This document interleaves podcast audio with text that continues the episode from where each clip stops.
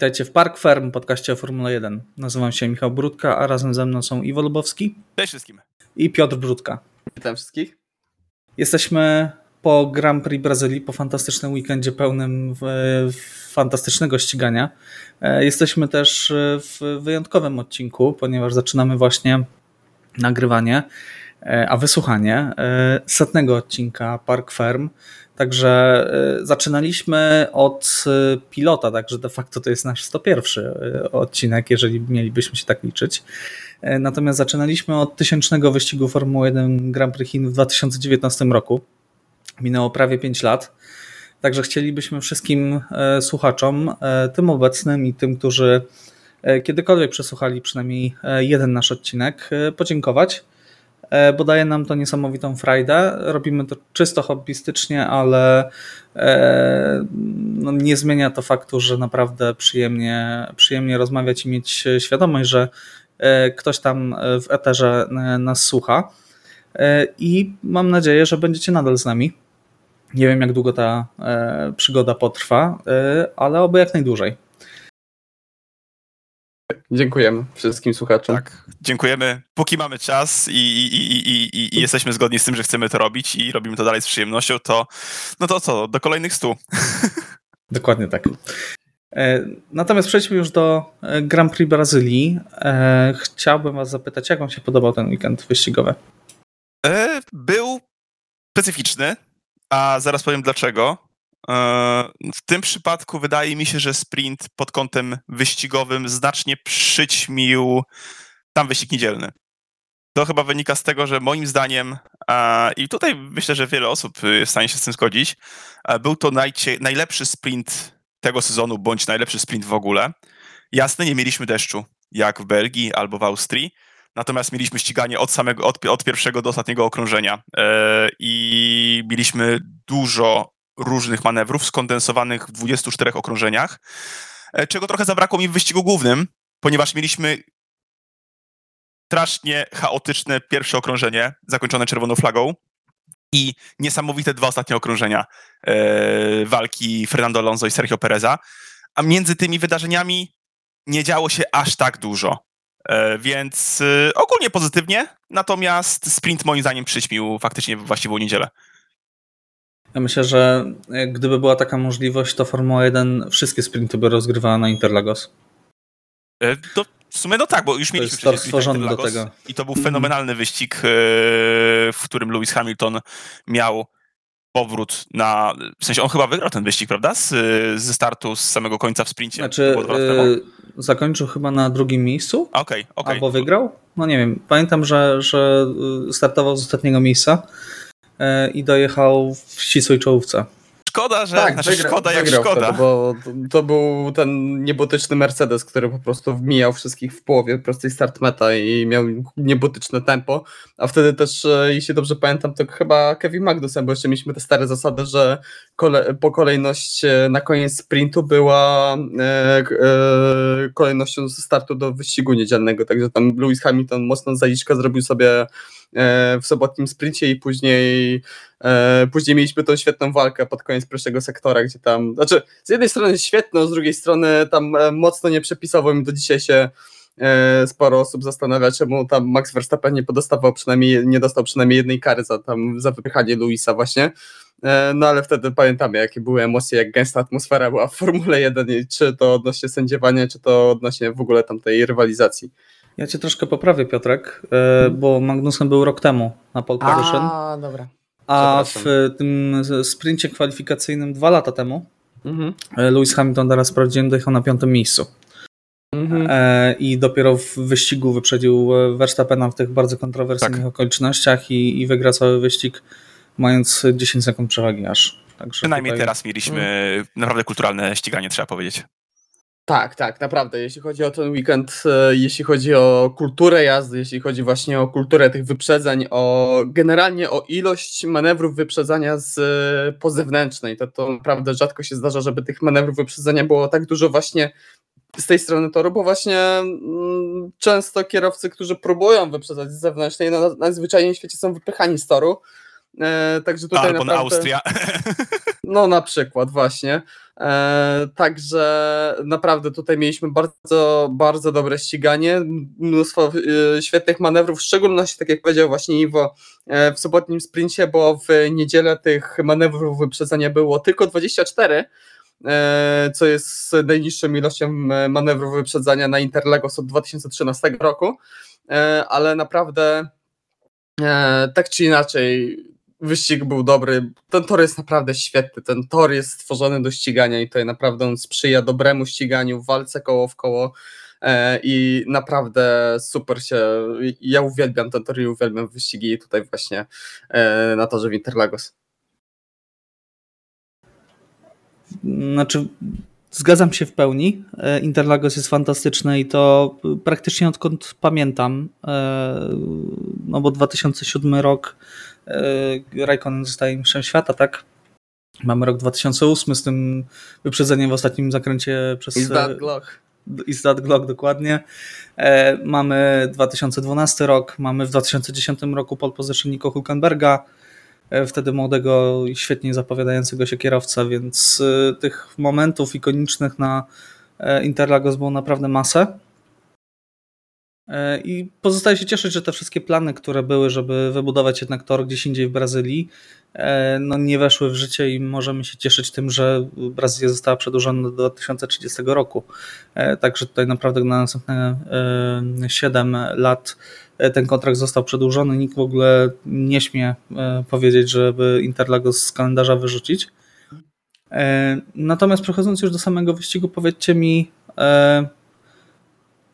czy uważacie, że ktokolwiek jeszcze będzie w stanie zagrozić Maxowi w tym roku?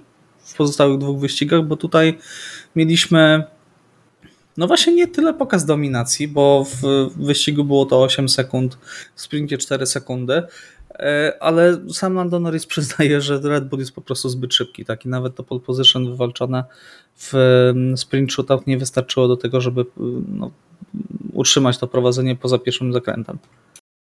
No, tutaj musielibyśmy mieć, e, musielibyśmy mieć po prostu taki jakiś e, związek wielu zdarzeń na torze związanych z samochodami bezpieczeństwa, chyba ewentualnie awarią, żeby, żeby ktoś na torze, na, na, na, na torze, żeby faktycznie tego, yy, przepraszam, Verstappena pokonać i tak jak Norris był blisko, Norris był w DRS-ie i próbował już zaatakować Maxa Verstappena. Natomiast no to dalej nie jest to i nie sądzę, żeby w ciągu dwóch kolejnych wyścigów coś miało się zmienić. No prędzej spodziewam się jakiejś awarii niż wyprzedzenia Maxa na torze, naprawdę. No tutaj było naprawdę blisko, po, czym, blisko, było. po czym Verstappen na następnym okrążeniu dołoży dwie sekundy, tak. Dokładnie. On no się upewniał z tego, zapamiętam w trakcie wyścigu, upewniał się, kiedy może faktycznie przyspieszyć, e, widząc, że do, dowiadując się, że Lando Norris jest całkiem niedaleko. No i po prostu dostał taką informację i przyspieszył. Jakby. Hmm. nie, nie trzeba było wiele. No mi się właśnie wydaje, że to jest, e, to jest właśnie to, że mm, e, Red Bull po prostu na spokojnie kontrolował ten wyścig, e, kontrolował tempo, kontrolował tą przewagę nad, e, nad Lando Norrisem i dlatego wydaje się, że 10 sekund nie jest tak dużo, ale pomijając ten jeden moment, gdzie właśnie rzeczywiście Lando podskoczył, dojechał do Maxa Verstappena, no tak później nie było nawet e, chwili zastanowienia, nie było nawet e, jakiejkolwiek tej emocji. W ogóle z, e, z, przynajmniej ja przestałem śledzić nawet tą różnicę pomiędzy tą dwójką, bo i tak wiedziałem, że, że Lando nie będzie w stanie dogonić Red Bulla. I tak odpowiadając na twoje pytanie, czy ktoś będzie w stanie pokonać Red Bulla, to my, wydaje mi się, że największą szansę mamy w Vegas, właśnie w najbliższym wyścigu, bo tam mogą być e, panować patologiczne warunki, jeśli chodzi o temperatury i jedyne co obstawiam to powtórkę z Singapuru, że coś tam nie będzie pasowało Red Bullowi i może to jakoś, e, jakoś sprawi, że Red Bull nie będzie najszybszy, ale jeśli to się nie sprawdzi, no to nie, no to Jedyne co, to możemy się cieszyć albo się nie cieszyć, e, że e, był właśnie ten Singapur, bo byłoby już e, no, niesamowicie wyśrubowany ten rekord zwycięstw z rzędu i nie wiem, czy teraz nie jest śrubowany kolejny, bo jeśli Red Bull wejdzie w przyszły sezon tak jak w ten, no to równie dobrze w przyszłym roku to Max może pobić ten swój rekord, który ustanowił teraz. Nie rzucajmy nie. jeszcze takich defetystycznych wizji. E, bo, bo wtedy można już w ogóle przestać oglądać Formułę 1, tak. E, natomiast no, trudno się nie zgodzić, tak. Tutaj Vegas myślę, że pozostaje jednym takim e, promyczkiem nadziei dla ludzi, którzy są już zmęczeni wygrywaniem Maxa Verstappena. No bo jednak Abu Zabi to zawsze był jego tor, tak? On, nawet kiedy Red Bull nie był najszybszy, to zawsze tam notował fantastyczne rezultaty. I no i będzie głównym faworytem, no nie oszukujmy się, tak? Vegas tak samo, natomiast Vegas z tego co Piotrek mówisz, bo może słuchacze nie wiedzą, ale Ross Brown przyznał, że nie wzięli pod uwagę tego, że y, planując wyścig o tej porze, czyli w nocy w Vegas, e, że no na, na pustyni, pustyni y, temperatury wieczorem spadają do bardzo niskich wartości. E, jeden z youtuberów jest już w Las Vegas i mówił, że wieczorami temperatura jest zazwyczaj około 7 stopni. E, najbardziej e, pesymistyczne prognozy mówią o 3-4 stopniach. Także możecie sobie wyobrazić, jak to może wpłynąć na problemy z dogrzewaniem opon i biorąc pod uwagę, że to jest tor miejski, więc nie jest tak nagumowane, e, że ścigamy się po ulicach, że to jest zupełnie nowa nitka dla zespołu, więc nie mają jakichś tam presetów ustawień z poprzednich lat. No myślę, że to może być podobna historia, jak była, nawet bardziej ekstremalna, jak była w 2020 roku. Nie wiem, czy pamiętacie wyścig, e, nie pamiętam na jakim torze, to chyba na Nürburgringu było. Tak. Gdzie ścigano się w listopadzie i też były ekstremalnie niskie temperatury. Hmm. To był ten pandemiczny sezon i tam też były ogromne problemy z dogrzewaniem tych opon, ale jednak tor był znany dla wszystkich, a tutaj idziemy w ciemno. Albo Turcja, gdzie w nocy jeździły samochody drogowe, żeby nakupować te tory. Po, po czym spadł deszcz w sobotę, tak? I wszystko smutno. Tak, dokładnie. No tutaj e, plus też jeszcze do tej całej wyliczanki, którą e, tutaj wymieniłeś, jeszcze może dochodzić to, że zapewne jest nowa nawierzchnia e, położona specjalnie pod ten wyścig, także no będzie ciekawie, tak czy inaczej. No jeśli chodzi o e, e, Red Bulla to i Maxa Verstappena w szczególności, to Max Verstappen e, już na pewno ukończy e, sezon z większą ilością e, punktów niż Mercedes. Już matematycznie Mercedes nie ma szans zdobyć więcej punktów niż Max Verstappen w tym sezonie. Więc Max wygrywa wszystko, nawet klasyfikację konstruktorów. Konstruktorów, tak, dokładnie.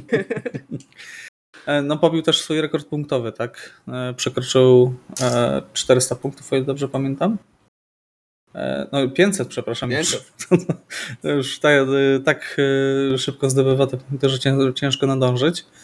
524 punkty ma w tym momencie Max Verstappen, co jest w ogóle, jak przypomnę sobie, że do mistrzostwa często wystarczało 350 punktów, no to tutaj to jest w ogóle kosmos, tak. No ale trudno się dziwić, jak wygrywa praktycznie każdy wyścig w tym sezonie. Dobrze, przejdźmy dalej.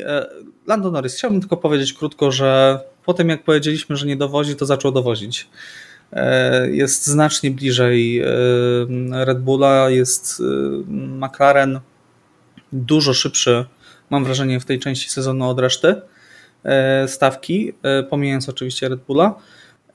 I też jest dużo szybszy od Oscara Piastrego w ostatnich dwóch weekendach, bo jednak Oscar ma sporo pecha, jakieś tam E, nietrafione okrążenia w kwalifikacjach, później e, jakieś przygody na pierwszych okrążeniach.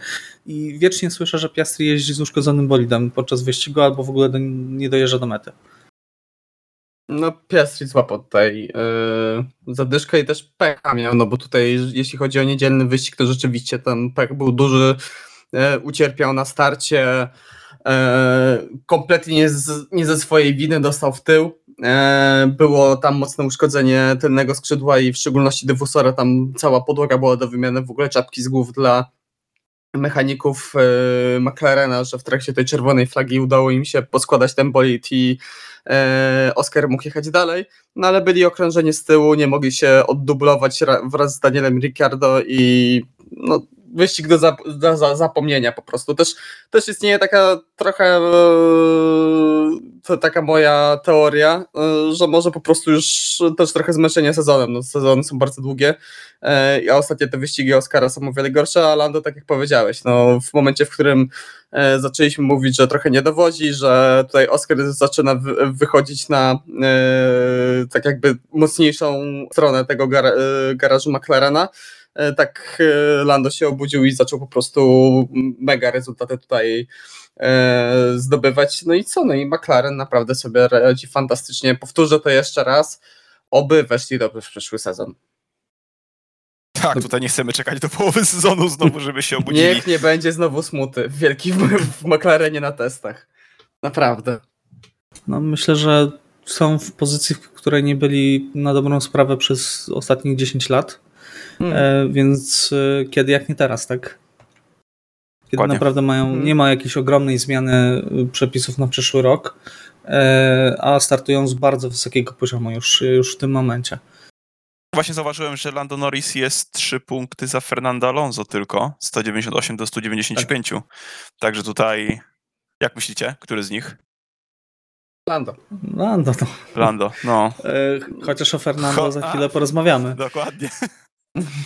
Więc już nie przedłużając, e, powiedzcie mi, co się stało z e, Astonem Martinem w ten weekend, co się stało z Fernando Alonso, bo po wielu miesiącach przerwy, kiedy już mówiliśmy, że oni spadli praktycznie na samotno, no, wracają, przyjeżdżają do Brazylii. Czołówka absolutnie ścisła kwalifikacji. W wyścigu no, też Fernando Alonso chyba najlepszą walkę w tym roku na torze pokazuje z Sergio Perezem. No i koniec końców staje na podium. Lance Stroll też na piątym miejscu. Na piątym, miejscu, miejscu, to trzeba też powiedzieć. Szok. Tak, szokująco dobry wynik jak na Lansa. E, więc powiedzcie mi, co tu, się, co tu się wydarzyło i jak Wam się podobała ta walka, e, jakie emocje Wam towarzyszyły, e, no, komu tutaj trzymaliście kciuki bardziej e, w tej walce Alonso kontra Perez? No powiem tak, przede wszystkim e, nie pamiętam już ile okrążeń ta walka trwała, w sensie ile, ile czasu Perez próbował yy, podjechać do Fernando Alonso, bo to chyba trwało 20 okrążeń, tak mi się wydaje, z 15-20 okrążeń yy, trwały te podchody. E, oczywiście walka była na ostatnich dwóch. No kibicowałem tutaj Fernando Alonso dla samej zasady kibicowania Fernando Alonso. Po prostu e, no w tym sezonie za dużo razy, zbyt wiele razy Sergio Perez pokazał, że nie należy mu się ten e, top 2 w, w, w klasyfikacji kierowców. Natomiast niezależnie kto by ten wyścig wygrał. W sensie, na, przepraszam bardzo, który z nich skończyłby na trzecim miejscu i tak byłbym zadowolony po tym, co zobaczyłem w trakcie tych ostatnich dwóch okrążeń. Walka była niesamowita, walka była kulturalna, walka była na milimetry. Eee, i naprawdę była używana głowa. Tutaj szczególnie patrzę na Fernanda Alonso i jego podejście do, e, do wyjścia z, z Essex Senny do zaatakowania, do tego ostatniego ataku na Sergio Pereza. Było to coś niesamowitego. Także naprawdę czapki z głów. Cieszę się, że możemy takie obrazki oglądać i te ostatnie dwa okrążenia e, właśnie na Interlagos e, trochę mi wybroniły ten wyścig, biorąc pod uwagę, co się działo przez poprzednie 70. Także naprawdę, naprawdę niesamowite ściganie. No i mam nadzieję, że takie obrazki jeszcze będziemy oglądać przez kolejne dwa wyścigi. Tak, no ja się y, do tego jeszcze, co tutaj Iwo wymienił, jeszcze będę dał to z, y, zmienianie toru jazdy, w szczególności zmienianie toru jazdy w ostatnim zakręcie, gdzie tam Fernando jechał o wiele szerzej żeby trochę tak, jeszcze nie dotykał, nie, dotykał, nie, nie, nie, dotykał tarki wewnętrznej, prawda? Tak, w ogóle jej nie dotykał, jechał bardzo szeroko od niej. Tak pierwszy raz w ogóle widziałem, żeby ktokolwiek w taki sposób jechał ten zakręt, także naprawdę tutaj Fernando po raz kolejny pokazuje jakieś inne metody, jakieś e, zupeł, zupełnie szczapki e, linie jazdy. Także naprawdę czapki z, z głów, fantastyczna walka. No i to, co Iwo powiedział, że to naprawdę tak powinno wyglądać ściganie. Każdy sobie zostawiał miejsca, była twarda walka, zostawiali tyle miejsca, ty, y, ile drugi kierowca potrzebował, ani po prostu milimetra więcej.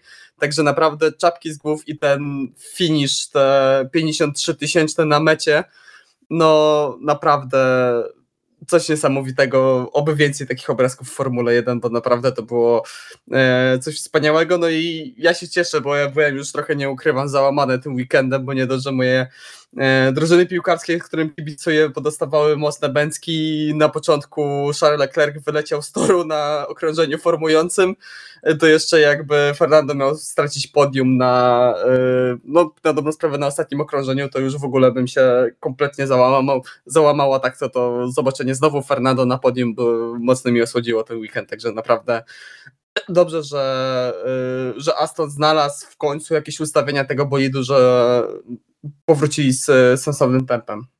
No właśnie, bo y, Aston powiedział, że y, po prostu wycofał część poprawek, y, co jest po prostu też świetne. Zespół staje się szybszy, bo wycofuje części, które miały go uczynić dużo lepszym i szybszym. Natomiast wybrali miks jakichś części, które po prostu działały, wycofali te, które nie działały i okazuje się na, nagle, że Aston Martin naprawdę dysponuje bardzo dobrym tempem. Ale powiem wam, że ta walka Alonso z Perezem, wiecie co mi trochę przypominała? E, ostatnie okrążenie Lando Norrisa w Austrii w 2020 roku, e, kiedy tam walczył o to, żeby być poniżej 5 sekund tak, tak, za tak. Hamiltonem. E, podobny vibe, natomiast tutaj było to jeszcze lepsze, bo była bezpośrednia walka, a nie korespondencyjna, tak? Mhm. I ja szczerze powiedziawszy, no, ściskałem kciuki za, za Nando i no, trochę sobie pokrzyczałem po tym, jak przejechał linię mhm. mety. A dawno tego nie miałem, naprawdę. To były takie prawdziwe emocje, trzymało to w napięciu. No i Nando po prostu goat, tak. Jeżeli chodzi o spryt, jeżeli chodzi o y, takie myślenie, y, co może mi dać, gdzie wybierać walki, też w którym miejscu on zbierał te baterie do systemu ERS, no, pokazuje, że po prostu no, to są szachy 5D w wykonaniu Nando na, na torze, tak. Widać to jest, było też to jest ogromny szacunek. Tak. Widać było też tę radość i na podium. I jeszcze była scenka podczas chyba wywiadów albo chwilę przed wywiadami właśnie pomiędzy Sergio Perezem i Fernando Alonso, e, gdzie faktycznie Perez podszedł do Alonso i gdzieś tam się obciskali i powiedzieli sobie parę słów. Wyglądało to naprawdę szczerze. Jakby widać było, że spośród tego całego takiego bagienka, w którym Sergio Perez od pewnego czasu jest, że miał trochę takiego prawdziwego mocnego ścigania w czołówce i ja domyślam się, że to kierowcy, mimo że jedzie w Red Bullu i powinien częściej być na wysokich pozycjach, wyglądało, że faktycznie dawało mu taką tą pierwotną frajdę do ścigania. Tak. Tak, Czy wiecie, tak, no, też... szczerze powiedziawszy, yy, wszyscy możemy mówić super walka, super walka, ale Perez to powinien wyprzedzić tego Alonso od razu, tak? To no nie tak. powinno być żadnej walki w ogóle, Oczywiście, biorąc pod uwagę, tak. jaki tempo ma Red Bull. Więc y, ja, ja, tej walki bym jakoś nie zapisał super po stronie Sergio Pereza, y, bo powinien to zrobić na 45 okrążeniu, a nie 70. I jeszcze stracić pozycję później. O, swoją drogą. Zgadzam się, że powinien, no, biorąc pod uwagę e, tempo Red Bulla i biorąc pod uwagę, że Max Verstappen pomijając Singapur sobie na spokojnie dowozi te wyścigi i wygrywa wszystko jak leci, Eee, tak, z drugiej strony, no nie narzekam, bo mieliśmy super walkę i, jeśli e, tak to ma wyglądać, to spoko dla mnie. Sergio Perez może być trochę poniżej oczekiwań, czy nawet mocniej i, i, i możemy oglądać takie obrazki. Ja tam nie będę narzekał wolałbym szczerze mówiąc tego drugiego kierowcę, który trochę czasami powalczy z Maxem, ale to no, jest. No właśnie, no tak, to jest, to jest też fakt, że z drugiej strony jakbyśmy mieli mocniejszego e, kierowcę na drugim fotelu w Red Bullu, to po prostu może Max byłby bardziej zagrożony, chociaż znając Red Bulla wątpię. Moglibyśmy mieć powtórkę z 2016 na dobrą sprawę, tak? Mm. Gdzie inne zespoły też kompletnie nie miały podejścia e, do Mercedesa i była walka między Hamiltonem a Rosbergiem. No ale bądźmy realistami, realistami tak? Do, tak. do, czegoś takiego po prostu nie dojdzie. E, dobrze, to e, przejdźmy dalej. E, wspomniałeś Piotrek o tragedii Leclerca i tragedii Ferrari. To może powiedz, co tam się wydarzyło tak na dobrą sprawę. Bo czegoś takiego jeszcze chyba nie widziałem, jeżeli chodzi o Leclerca. Tak. I jeżeli chodzi o Ferrari, a naprawdę starają się coraz rzadsze sytuacje odhaczać w ostatnim tak. czasie. Tak, no trochę, troszkę taki vibe, jeśli chodzi o Monaco, gdzie startował z pole position i nie, nie sprawdzili do końca bolidu i wtedy Charles Leclerc nie, nie wystartował. Tutaj mieliśmy totalnie jakąś niedorzeczną, niedorzeczne domino awarii w samochodzie Leclerca, bo wysiadła e, e, wysiadła hydraulika w łuku, w dość szybkim łuku, gdzie Charles dogrzewał opony, także w, w jednym momencie Charles Leclerc stracił e, z takich ważniejszych rzeczy, e, stracił e, wspomaganie kierownicy, także to, to już jest bardzo dużo nagle, gdzie kierownica idzie ci gładko, nagle idzie bardzo ciężko, także to naprawdę, biorąc pod uwagę prędkości, jakie są w Formule 1, to jest bardzo dużo, a w dodatku stracił też kontrolę nad biegami, także tutaj było dodatkowo, plus był za awarią hydrauliki poszła również awaria jakiegoś czujnika w silniku i silnik tam też zaczął wariować, także wszystko nagle poszło w jednym momencie nie tak w bolidzie Charlesa Leclerca, no i Charles Leclerc e, stracił kontrolę nad samochodem i wydzwonił w bariera na okrążeniu formującym. To jest no ja czegoś takiego nie pamiętam. Były obroty czasem. Zdarzało się, pamiętam na przykład Walteriego Bottasa, który się obrócił w Chinach bodajże na okrążeniu formującym w trakcie jego pierwszego sezonu w, e, w Mercedesie. Też e, Robert Kubica się też chyba też w Chinach na dobrą sprawę się obrócił w 2019 roku na okrążeniu formującym. No, tak. Raz na ruski rok czasem się którymś kierowcy to zdarza. To jest zawsze takie trochę. No najbliżej tego był chyba tak. Max Verstappen na Węgrzech, jak tak. wydzwonił na wyjeździe na pola startowe. Mhm. Tak, no to, to jest zawsze takie mm, niezręczne dla kierowcy, że tak powiem, tak trochę wstyd jest, no ale no aż takiego... Się. Najlepszy aż, nawet. Tak, dokładnie, ale no aż takiego grubego dzwona to nie było i e, no i co, no najlepszym komentarzem, myślę, do tego, co się dzieje z Charlesem Leclerciem w tym sezonie jest to, że Charles Leclerc już e, się zastanawia nad pielgrzymką.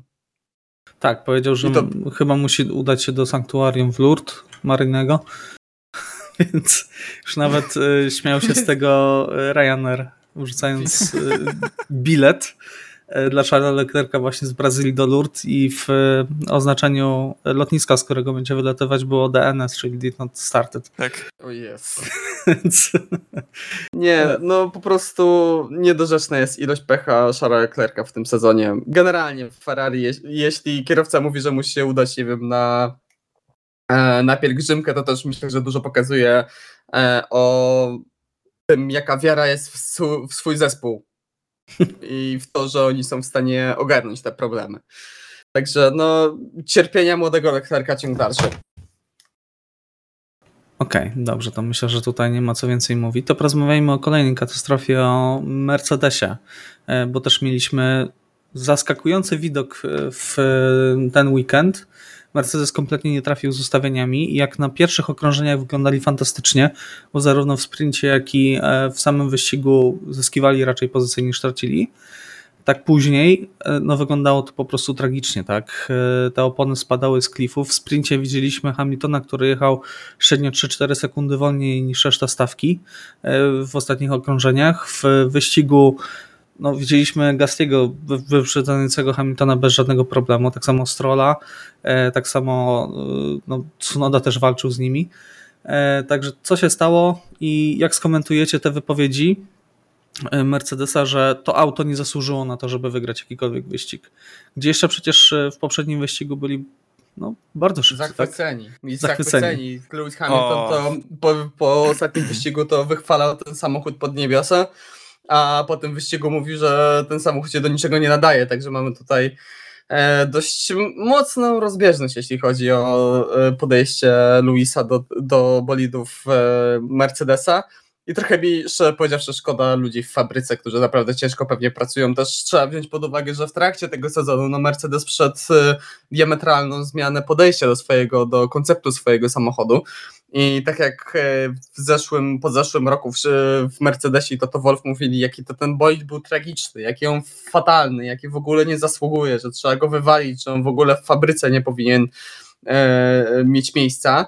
E, tak no, jakby nie patrzeć, e, no w zeszłym roku właśnie na Interlagos e, e, Mercedes no, wygrał, miał dublet właśnie na tym torze i porównując tempo do zeszłego sezonu, to średnio na okrążeniu Mercedes był o, e, o prawie pół sekundy wolniejszy na okrążeniu biorąc pod uwagę średnią czasów z całego wyścigu. Dla porównania taki e, Aston Martin, taki Lance Stroll czy Yuki Tsunoda byli o 1,3 szybsi niż, niż w zeszłym sezonie, także tutaj obydwa te zespoły, co swoją drogą też Alfa Tauri to jest inny temat, bo to jest trochę niedorzeczny zespół, e, jeśli chodzi o ich formę, Randomowo wrzucona uwaga.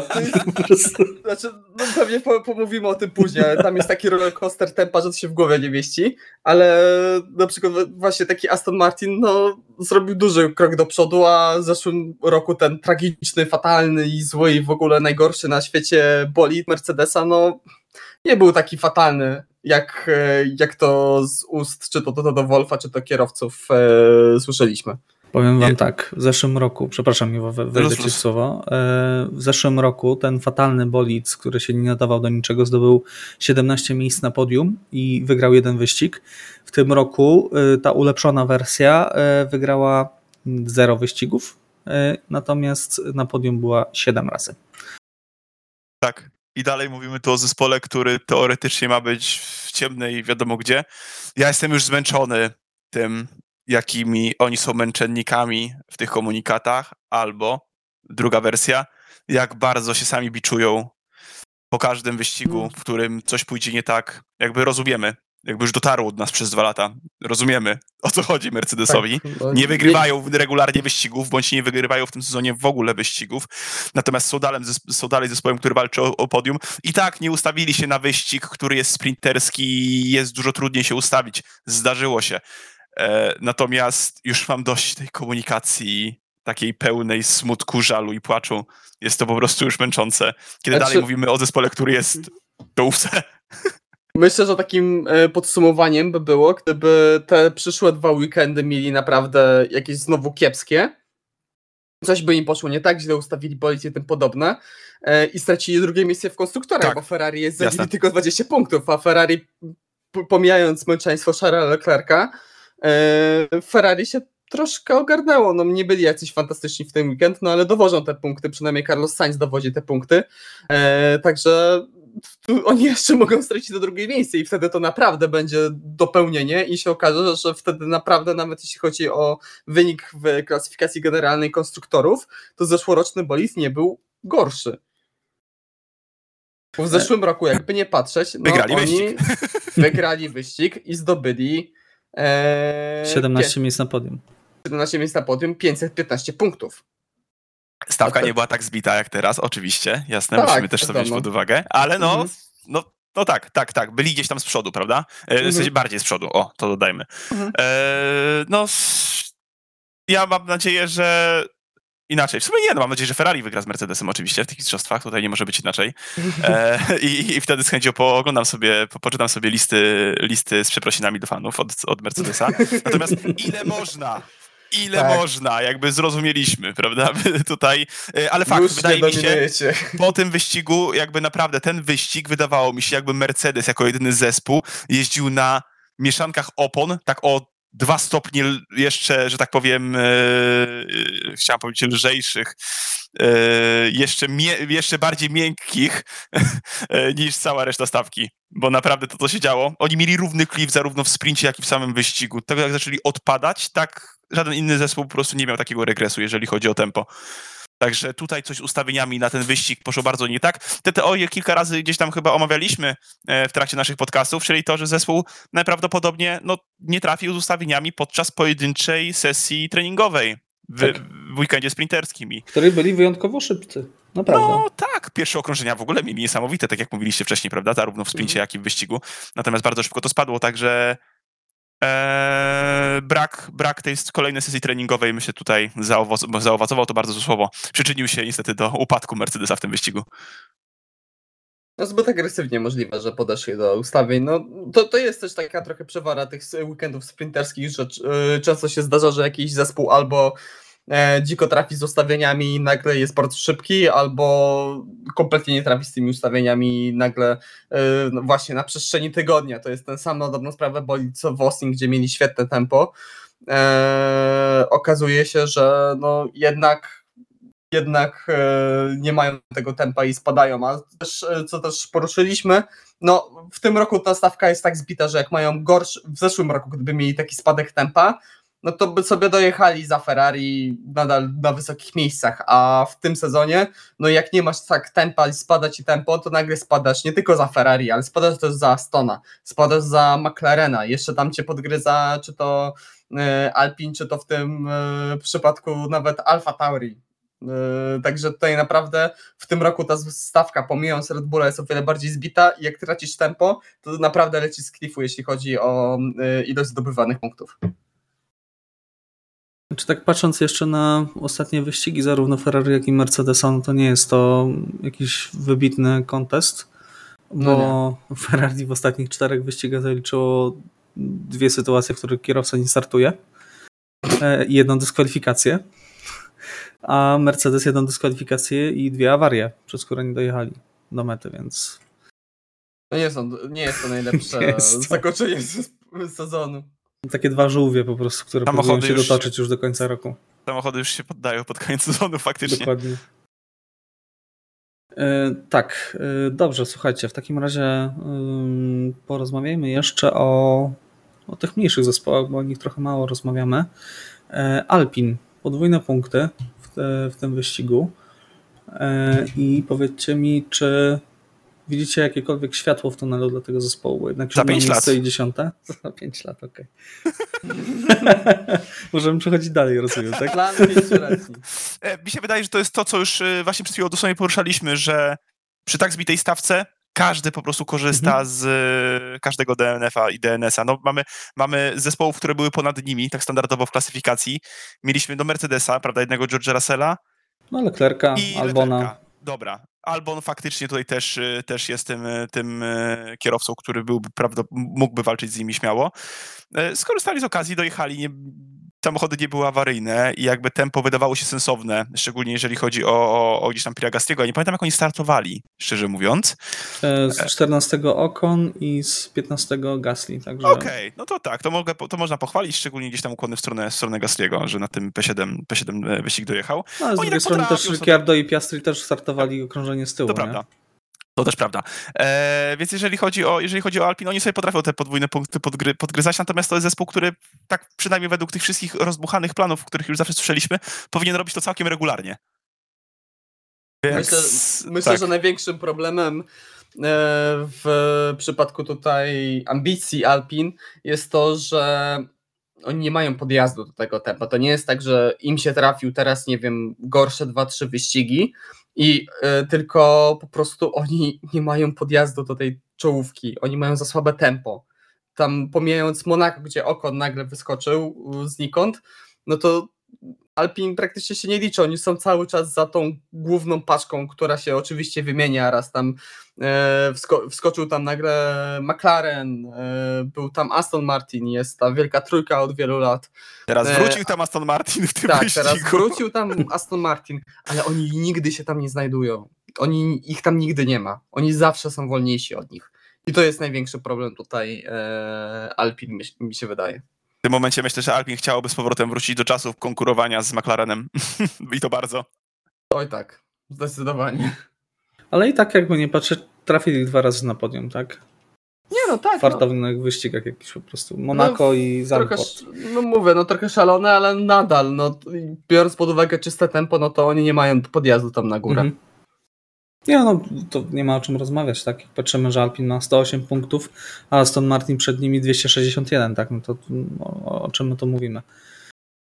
E, dobrze, to Piotrek, powiedz, czemu y, jest Alfa Tauri takim dziwnym zespołem?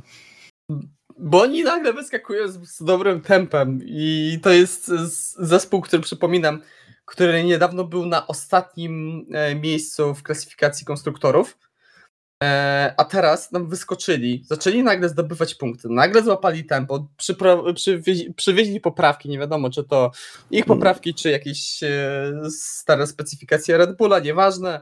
Co E, to za oskarżenia w ogóle? No, Zdjęcia porobili, Piotrek, no. Zdjęć, dobre zdjęcia, znowu dobrzy fotografowie, nieważne. Przywieźli Wasze- połowę nowego bolidu na Austin i zadziałało po prostu. No. Nie zadziałało. A McLaren nie mówiłeś, że dziwny jest. Nie mówiłem, że to jest chore.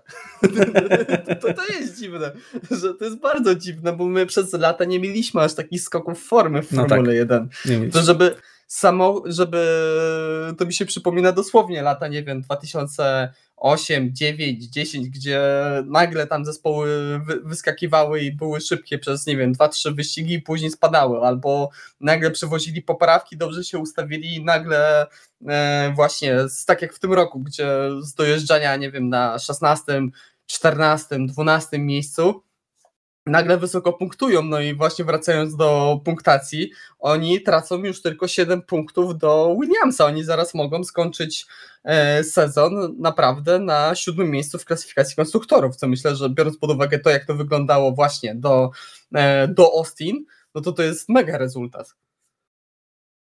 No do Austin mieli 5 punktów w konstruktorach. Tak, a teraz mają 21, no to mówię, to jest niedorzeczny dla mnie skok nagle. E, a sądzicie, że wyprzedzą? Zadawaliśmy już to pytanie, e, ale update'uję, szybki, szybki update po prostu. I jeżeli nie będzie sytuacji pokroju właśnie plus one lap na samym początku wyścigu i będą i, i to tempo takich zachowań, jakie widzieliśmy ostatnio, to będzie, myślę, że jest szansa. Ja E, bo Williams ma no, praktycznie jednego kierowcę. O, prze- dobra, dwóch już punktujących, tak, ale tylko Albon regularnie punktuje, prawda? I Alfa Tauri jednak ma doświadczonego już Yukiego Tsunodę, który ma swoje odpały, ale potrafi dowieść. Patrz, patrzmy sprint i patrzmy wyścig główny Brazylii teraz. E, no i Daniel Ricciardo, który wiemy, że potrafi, więc e, w sprincie również udowodnił dużo. Szkoda tylko, że ostatecznie nie dojechał po punkt, ale jechał niesamowity wyścig, więc myślę, że tak, Alfa Tauri może zagrozić Williamsowi. W ogóle o czym roz... ja, nie spodziewałem się, że w ogóle będziemy o tym Tak. rozmawiać, nie? Naprawdę. to był najgorszy Dlatego- zespół w stawce, to był najgorszy zespół w stawce. No a kto by, wiesz, kto by cię po Grand Prix Kanady y, powiedział, że Norris zaraz wyprzedzi na koniec sezonu Alonso, tak? No nie, no, racja. A może do tego dojść. Całkiem ciekawy ten sezon jednak, trzeba powiedzieć. Jakby ma swoje Ej, smaczki. Jeśli, jeśli wyjmiemy Maxa Verstappena, który ma więcej punktów niż ktokolwiek inny w tym we- wszechświecie, to tak, to, to jest naprawdę z- spoko. Zostanie mistrzem świata prawdopodobnie. O Boże. No Ale tak, co do no. Logana, był 11 w, tego, w, w trakcie tego Tak. wyścigu. Nie wiem, który już w trakcie tego sezonu, bo Drugi. często to 11. A, okej. No to mi się wydawało, że o wiele częściej te 11 miejsce Ja, ja wiedziałem, że padnie pytanie o to, a nie, Nie. tak, drugi, drugi. Ja miałem Tak, jeszcze tak. 12 miejsce w Bahrajnie. No okej, dobra. No ale był blisko, znowu. Ale się nie udało.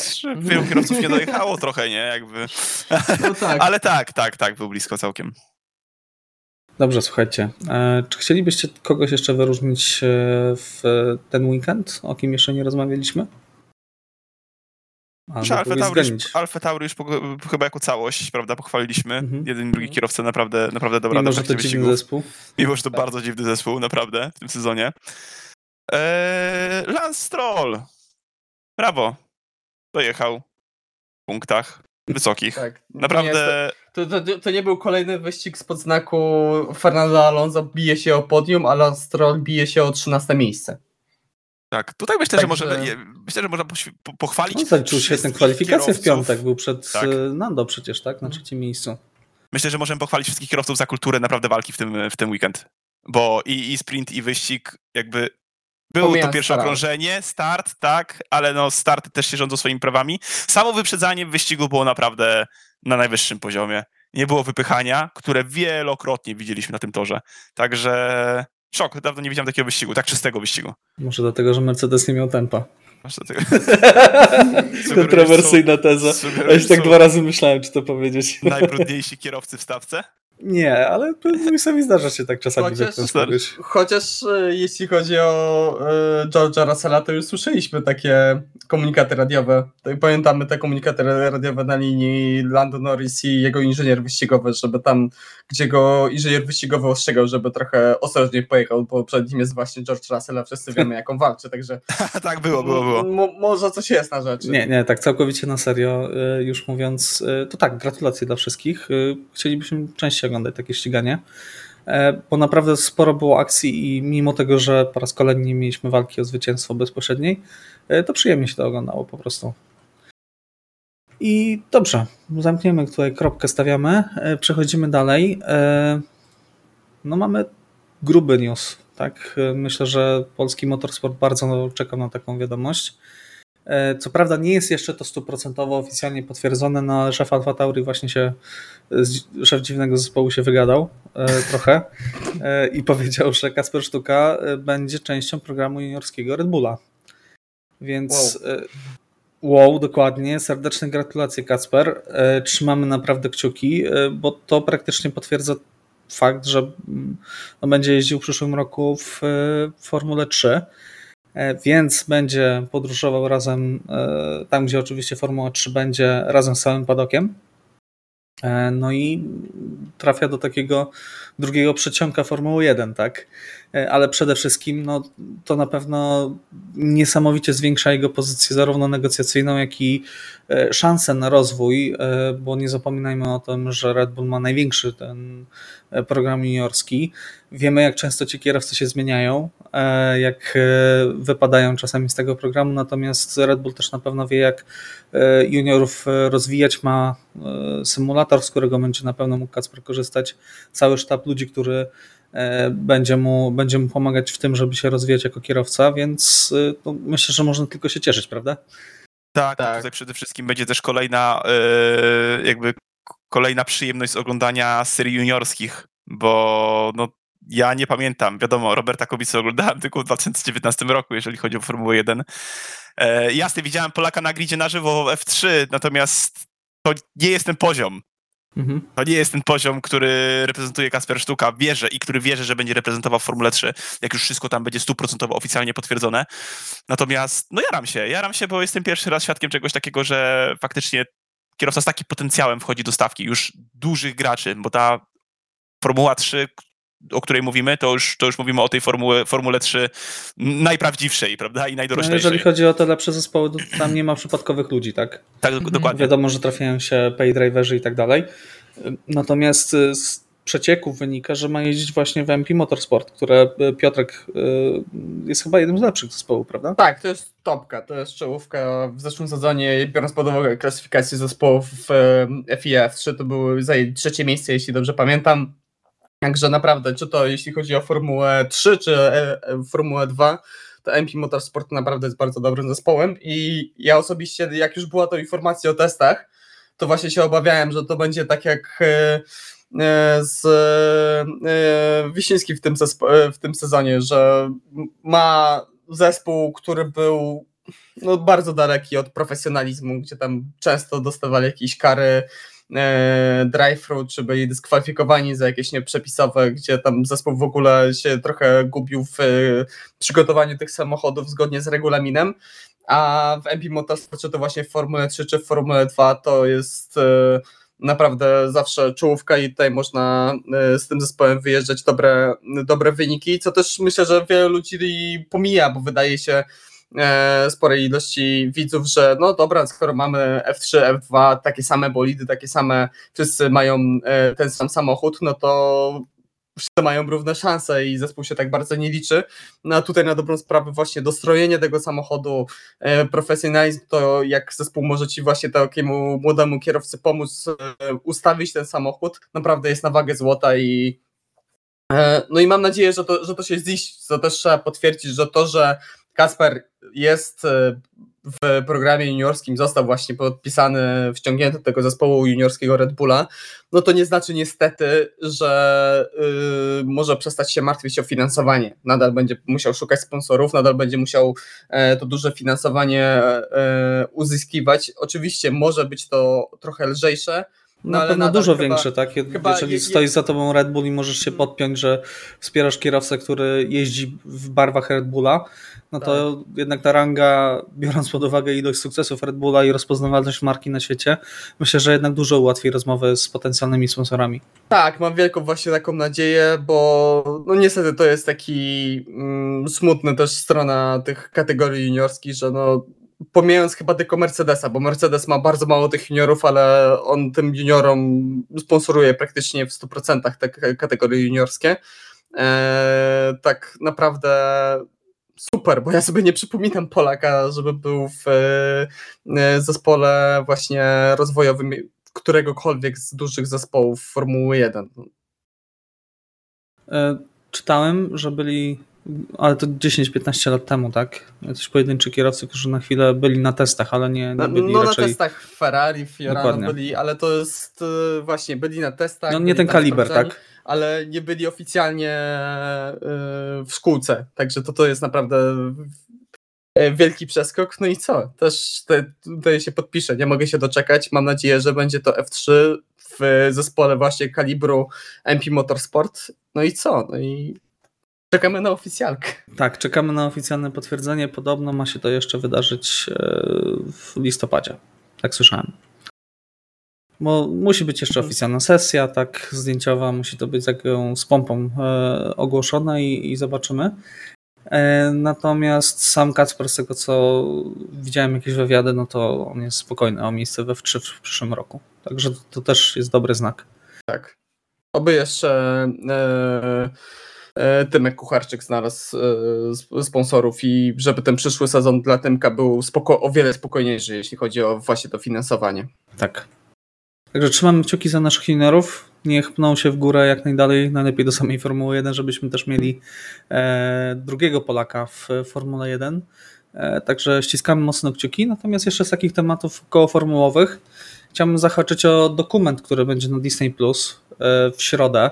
Nie wiem, czy o nim słyszeliście, e, bo mm, obijało się to jakoś przez media. Mieliśmy o tym mówić w poprzednim odcinku, ale zapomniałem oczywiście o tym wspomnieć. E, dokument o Brown GP niesamowitej historii sezonu 2009.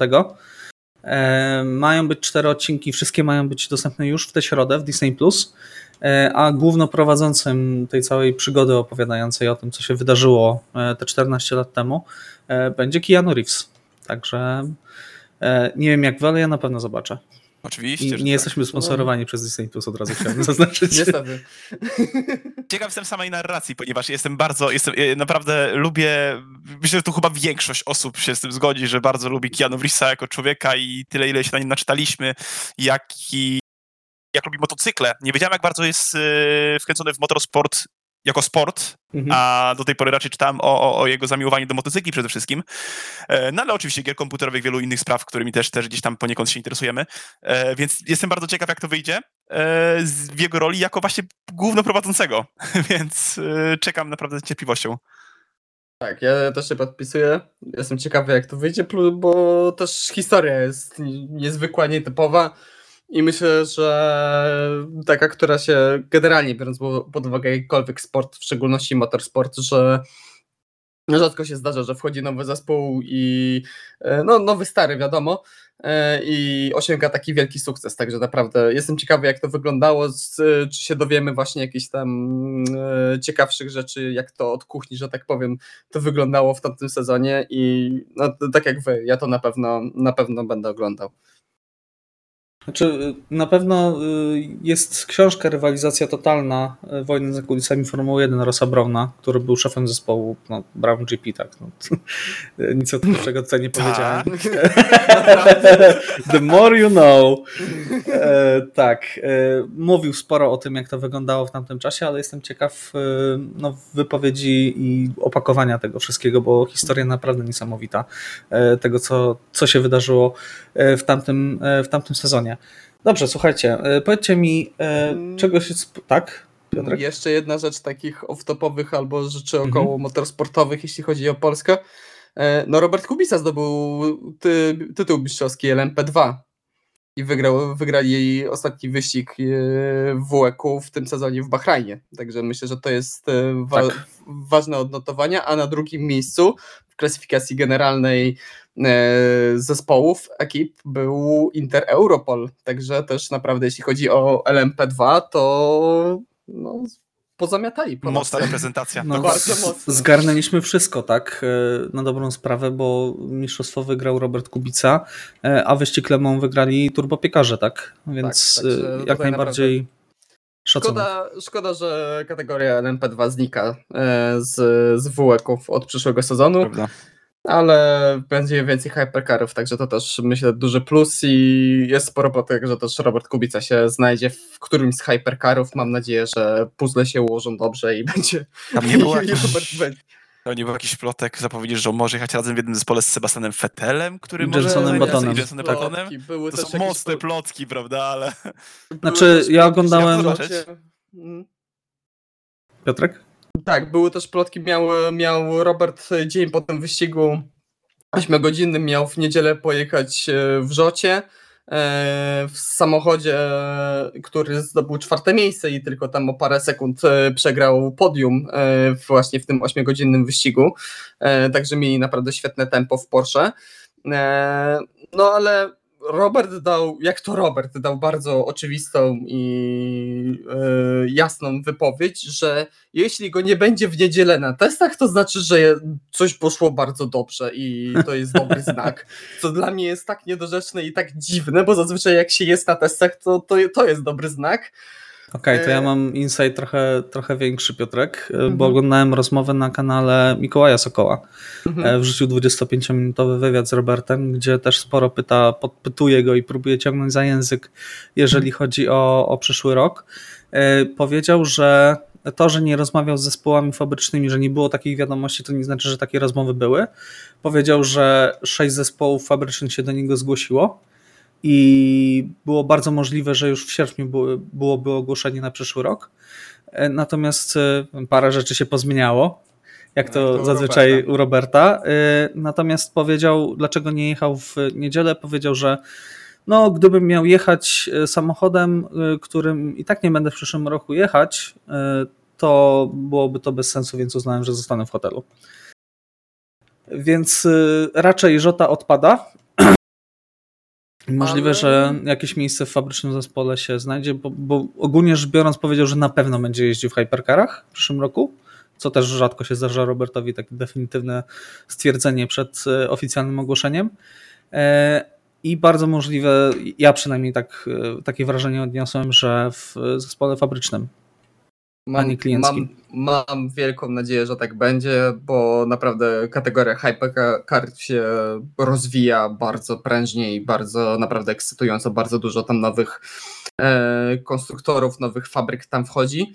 E, Ferrari, let's go. Tak, także, e, także zobaczymy. Mam nadzieję, że, to że pewne będzie niedokończone sprawy z Ferrari. Tak, a Ferrari ma trzeci o. samochód, trzeciego Hypercara dać w przyszłym to roku. To niedokończone sprawy. Ja chciałbym to zobaczyć. Ja też. To, no. Dobrze, ale to spokojnie. Zobaczymy, jak będzie oficjalne ogłoszenie. Wracając, wracając do Formuły 1. E, Grand Prix Las Vegas przed nami. E, ja wow. szczerze powiedziawszy, dokładnie. Z jednej strony niesamowicie czekam, bo to będzie na pewno wyjątkowe wydarzenie. To nie będzie nowy wyścig tor. jak nowy inny. Tor, oczywiście, czekamy. Bo mamy nowy tor z podobno strasznie nudną nitką. Wygląda jak obrócona świna. Dokładnie. Dobra, teraz już nie wiem, co powiedzieć. E, Będzie zimno, wygląda tak. po prostu na świnia. Co tam jeszcze mamy w dodatniczku? E, kwalifikacje w sobotę o godzinie 9 rano, e, wyścig w niedzielę o godzinie 7 rano. Co będzie też wyścigiem w sobotę w Stanach Zjednoczonych, ze względu na różnicę w czasie oczywiście. I będzie zimno. I zobaczymy, co się stanie, bo może być naprawdę bardzo, bardzo nieprzewidywalnie, tak. Mm. Zwłaszcza jeżeli chodzi o zespoły, które nie potrafią dobrze zarządzać oponami. E, czego się spodziewacie? Ja e, szczerze powiedziawszy, biorąc pod uwagę, jak e, no, troszkę cringe'owe jest Las Vegas samo w sobie, to to, z jaką pompą jest to zapowiadane, zwiastuje dużą dawkę trochę żenady, moim zdaniem. Czekam na jedno, na wykorzystanie tej niesamowitej hali widowiskowej, tej kopuły Sphere, która mm. jest jednym wielkim ekranem, która ma być e, zajęta przez Formułę 1 na czas właśnie e, sesji i wyścigu. I nie wiem, nie wiadomo co z tego zrobią. Czy to będzie wielki ekran? Głowy kierowców powinny tam być wyświetlane. Czy to będzie, nie wiem, live timing, czy to będzie, nie wiem co oni tam wymyślą, ale no, wygląda to niesamowicie. To jest, to jest coś fantastycznego. Więc powiedzcie mi, czego się spodziewacie po tym weekendzie? Dużo ślizgających się samochodów. Nie, spodziewam się strasznych wywiadów y, przed wyścigiem y, podczas chodzenia po torze z różnymi celebrytami. E, szczerze mówiąc, patrząc na nitkę, nie, nie, nie jeździłem po tym torze w grze, bo nie grałem w F1 23, więc jakby nie mam punktu odniesienia, a zawsze chociaż to daje jakieś tam poczucie, prawda, czym ten tor może być. E, strasznie ciężko mi wnioskować, mm, bo nitka mi się wydaje bardzo nieciekawa, naprawdę bardzo nieciekawa.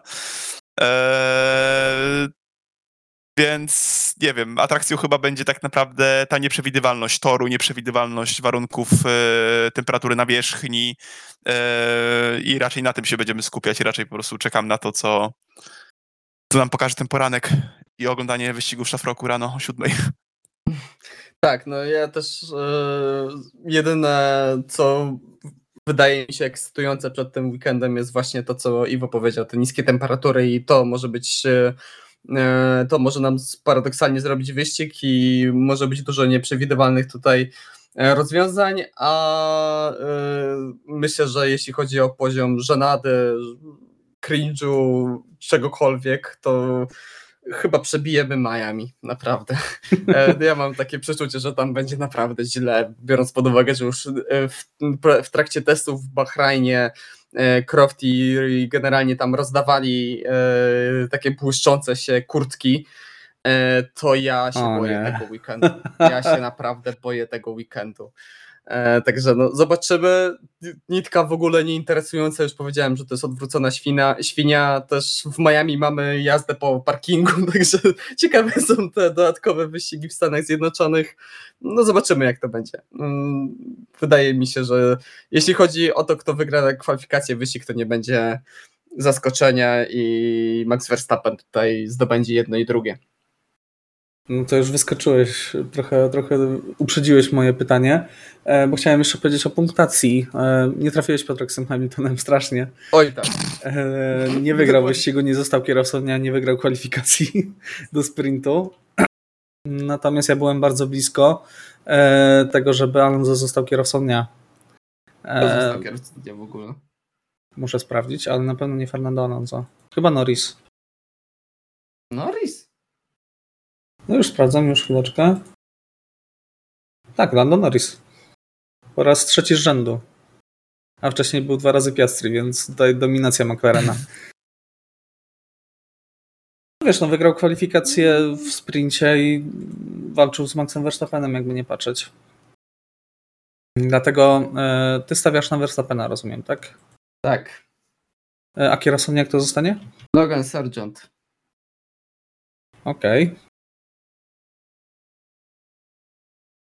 Jeszcze słówko powiedzieć o klasyfikacji, e, jako że Iwo był bliżej e, wytypowania, bo stawiał jednak twardo na Verstappena.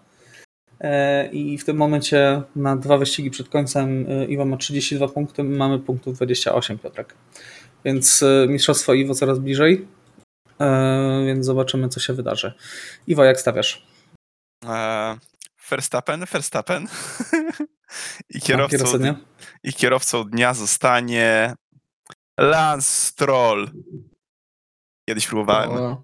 i, i, nie wychodziło, wielki, ale wielki wracamy. powrót. Let's go. Czy on nie został kierowcą dnia nawet jak miał połamane nadgarstki. Nie szkodzi. nie wiem, co by się nie musiało wydarzyć. Nie szkodzi. Może wygrać wyścig. Okay. E, jeżeli chodzi o mnie, ja stawiam e, na papaję. E, Lando Norris, Lando Norris, Lando Norris. Uważam, że stanie się coś niesamowitego w ten weekend i McLaren wygra wyścig. Norris przełamie tę serię, bo został teraz kierowcą, który ma najwięcej podiów bez wygranej. Wyrównał tutaj wynik Heidfelda, e, więc najwyższy czas, żeby wygrać pierwszy wyścig. I najwięcej punktów bez wygranej. Tak. E, no wrzucił też, wrzucił, wrzucił też zdjęcie e, z podium z Nando i z Verstappenem i podpisał dwóch mistrzów świata i ja.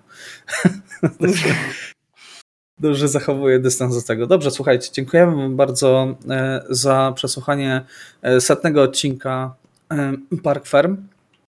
Dziękujemy Wam za to, że spędziliście z nami te troszkę ponad godzinę. Życzymy Wam udanego i cringe'owego wyścigu w Las Vegas. Niech dzieje się zarówno na torze, jak i poza nim, bo jestem pewny, że się będzie działo. I słyszymy się po Las Vegas, a przed Abu Zabi. E, natomiast o Grand Prix Brazylii rozmawiali Iwo Lubowski. Dzięki i do usłyszenia. Piotr Brudka. Dzięki, cześć. I Michał Brudka. Trzymajcie się, cześć.